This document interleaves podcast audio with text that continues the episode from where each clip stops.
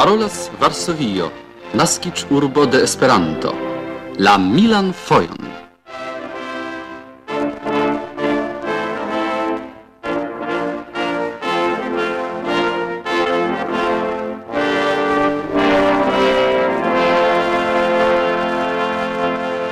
Sube tiu signalo, cun la vocio de Xaver Jashinski, la 1 de januaro 1962, audigis la unua jubilea unumila Esperanto elsendo de la Esperanto redakcio de Pola Radio.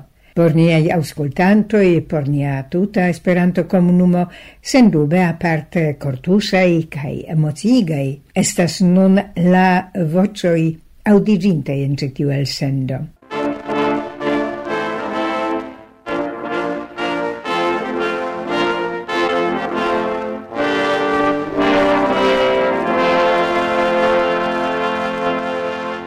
Okaze de nia modesta jubileo ni havas la honoron gastigi sur nia anteno eminentajn personojn, kiuj directos al vi, karaj aŭskultantoj, kelkajn vortojn pri Esperanto kaj en Esperanto.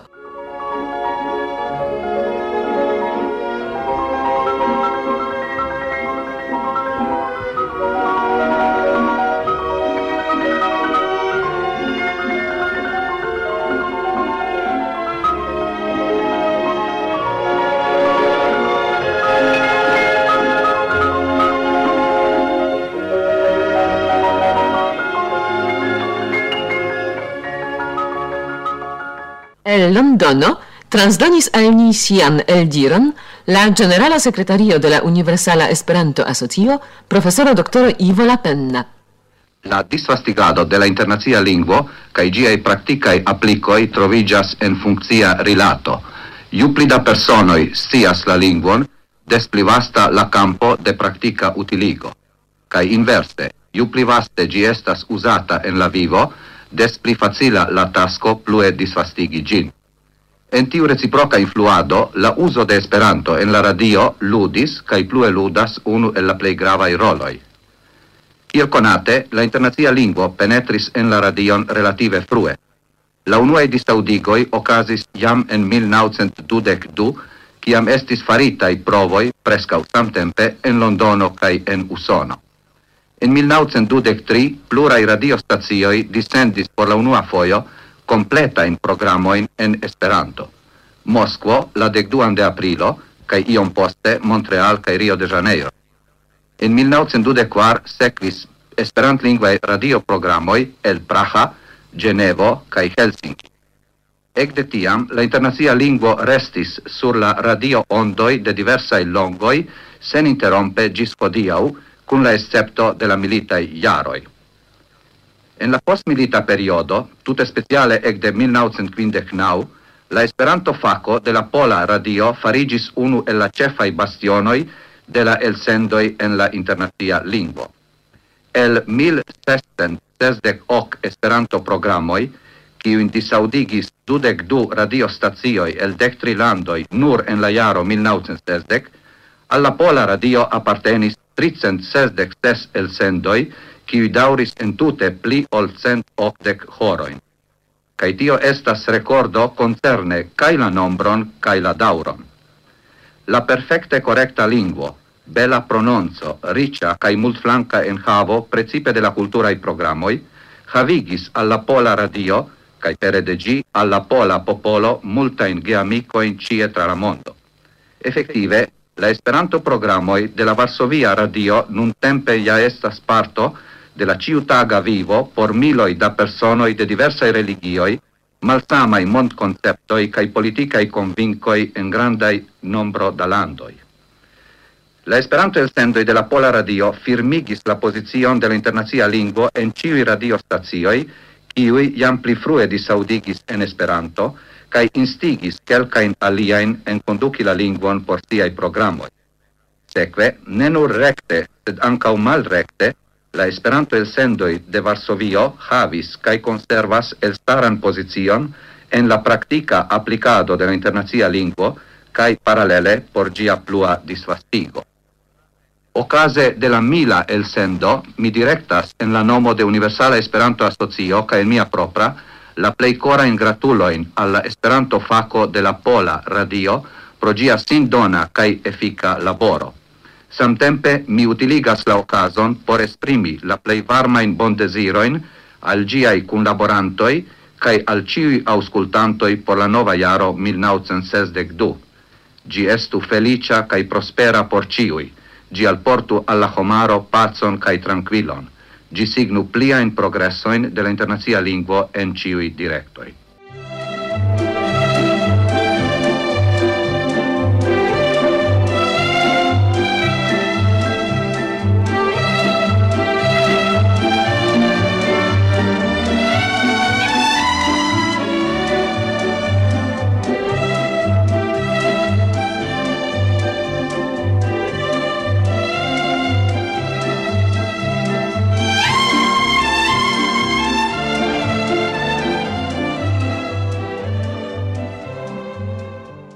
nia mikrofono la prezidanto de la Pola Akademio de Sciencoj, profesoro doktoro Tadeusz Kotarbiński. Mi ekkonis Esperanton kiel lingvon internacian, tre simplan kaj facilan, atingeblan por ĉiuj. Mi studis la gramatikon kaj lernis vortojn legis gazetoin cae libroin eldonitain en tiu ci lingvo, mi ancau lernis parcere textoi. Gis hodiau mi exemple memoras versajon de doctoro Zamenhof. Ho mia cor, ne batu maltrankvile el mia brusto nun ne saltu for. Iam teni min ne povas mi facile, o mia cor. Hodiau estus al mi malfacile interparoli en tiu ci lingvo. Tamen, presita in textoin mi facile comprenas Esperanto, kies creinto agis sur la polanda tero, ne enspacigas tutece en la termino artefarita lingvo, char gi consistas el elementoi de etnicae lingvoi cae vivantai lingvoi indoeuropae estis gia modelo. Cio case gi estas plei razia el lingvoi al mi conatai. Cio lingvo plenumas du fundamentain funccioin. Gi estas ilo de la pensado cae ilo de la intercomprenigiado. Esperanto plenumas antaŭ ĉio la duan funkcion.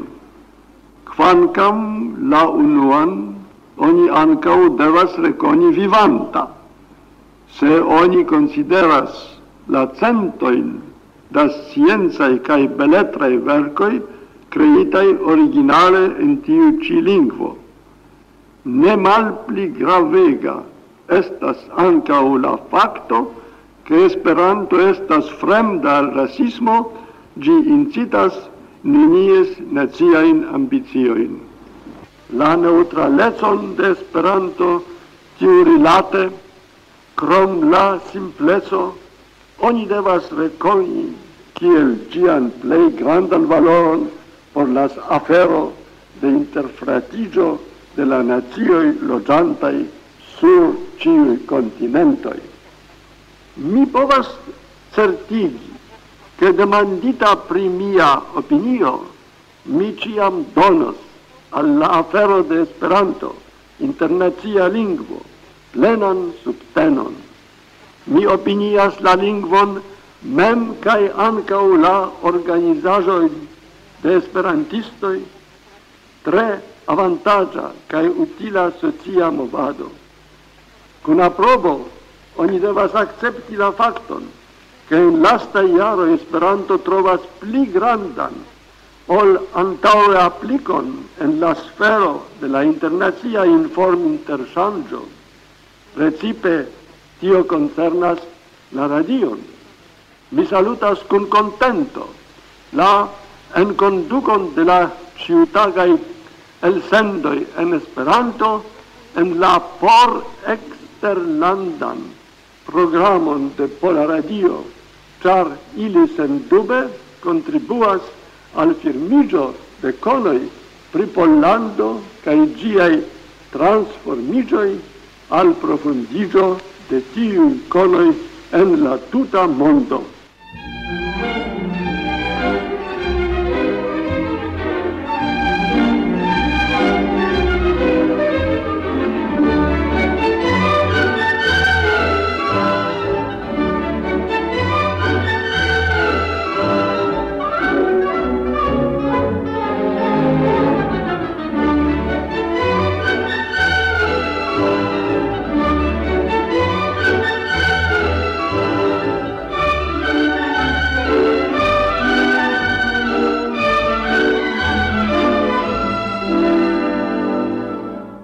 la fora scota urbo, alloa, venis la vocio de William Old, el stara esperanta poeto kaj ĉefredaktoro de revuo Internacia Esperanto. Karaj gesamidianoj, Ocase de la mila Esperanto elsendo de la Pola Radio, mi esprimas al vi plej korajn gratuloin kaj profunde sincerajn bondezirojn. Con kiom da felicio che streccia interessigio ni esperantistoi e la plei diversai e sekvis la informoin la arte in presentado in la prelego in kai recenzo in kiu in vi audigis al ni. Je tia mailo stono kia estas ĉi tiu mila dissendo ni ne povas ne esprimi al vi nian dankemon. Esperanto esto grava cultura factoro. Per Esperanto ni ekkonas la spiritan tresoron de la aliaj ec parto ekpartoprenas en culturo universala al tiu ci interhoma fratigio, kiu estas tiel necessega ingredienzo de nia nuno kaj estonteco, cae al tiu ci tut homa culturo, grandegan contribuon faras la elsendo en Esperanto de la Pola Radio. Sendube, ciam ocasos via dumila elsendo, estos ocasintai jam multai novai pasoi al plua disfastigo de la internazia lingvo, cae multae el tiui pasoi resultigios el la clarvida cae sagia laborado de la polae autoritatuloi cae de la Pola Radio. Vivu cae prosperu Pola Radio!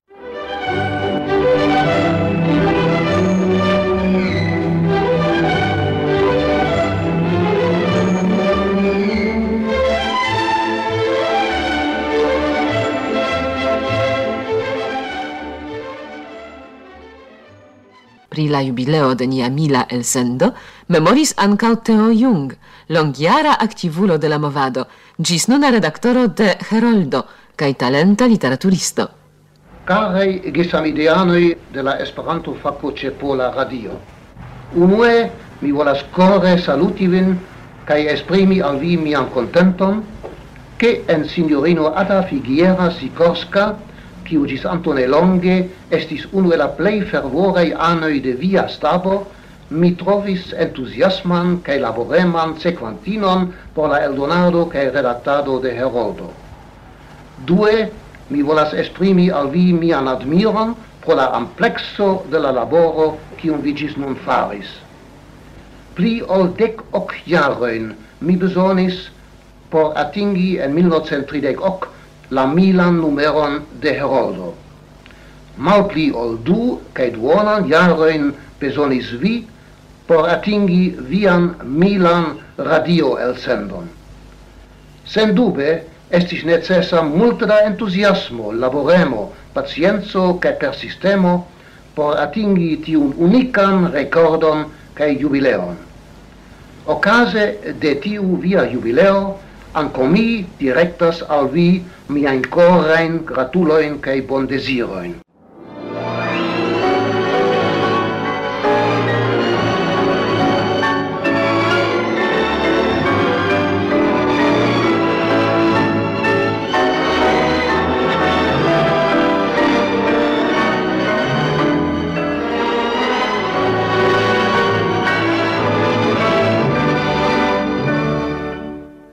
Ni core dankas al ciui kiui prenis parolon en nia mila elsendo. Same core ni dankas al la autoroi de multegai leteroj, alvenintai al nia redakcio ocase de la jubileo. Ni finas kai adiaŭas vin gis morgau, je la sama horo.